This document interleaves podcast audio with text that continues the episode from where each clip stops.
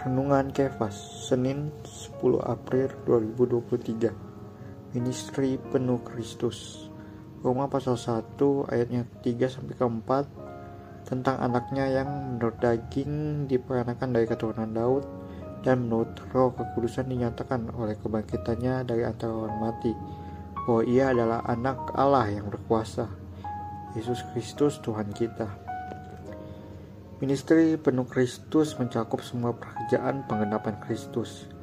Kristus menggenapkan begitu banyak oleh ministrinya, pelayanannya mulai dari inkarnasinya sampai perampungan Yerusalem baru.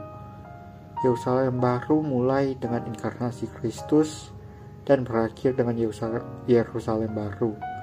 Ketika atribut Allah menjadi kebajikan Kristus dan keinsaniannya Kebajikan-kebajikan ini amat harum dan manis.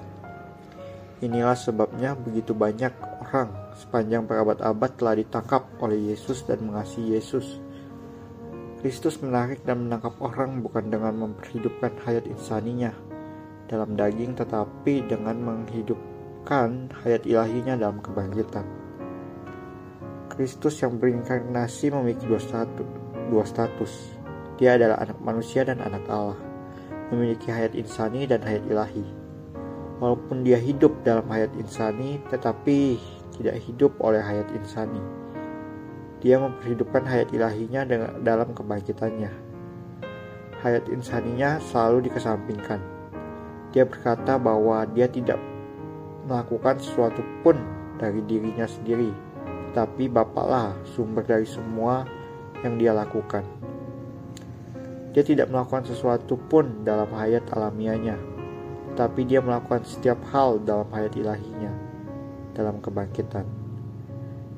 Dia selalu meletakkan hayat alamiahnya di atas salib dan melalui salib dia masuk ke dalam kebangkitan. Harusnya kita, sama bagi kita hari ini. Terang hari ini, ministry penuh Kristus adalah mencakup semua pekerjaan pengenapan Kristus doa hari ini, Kristus adalah teladan kita hari ini. Dia adalah Allah dan juga manusia, hidup dalam hayat ilahi atau insani, namun dia selalu melakukan segala sesuatu dalam hayat kebangkitannya.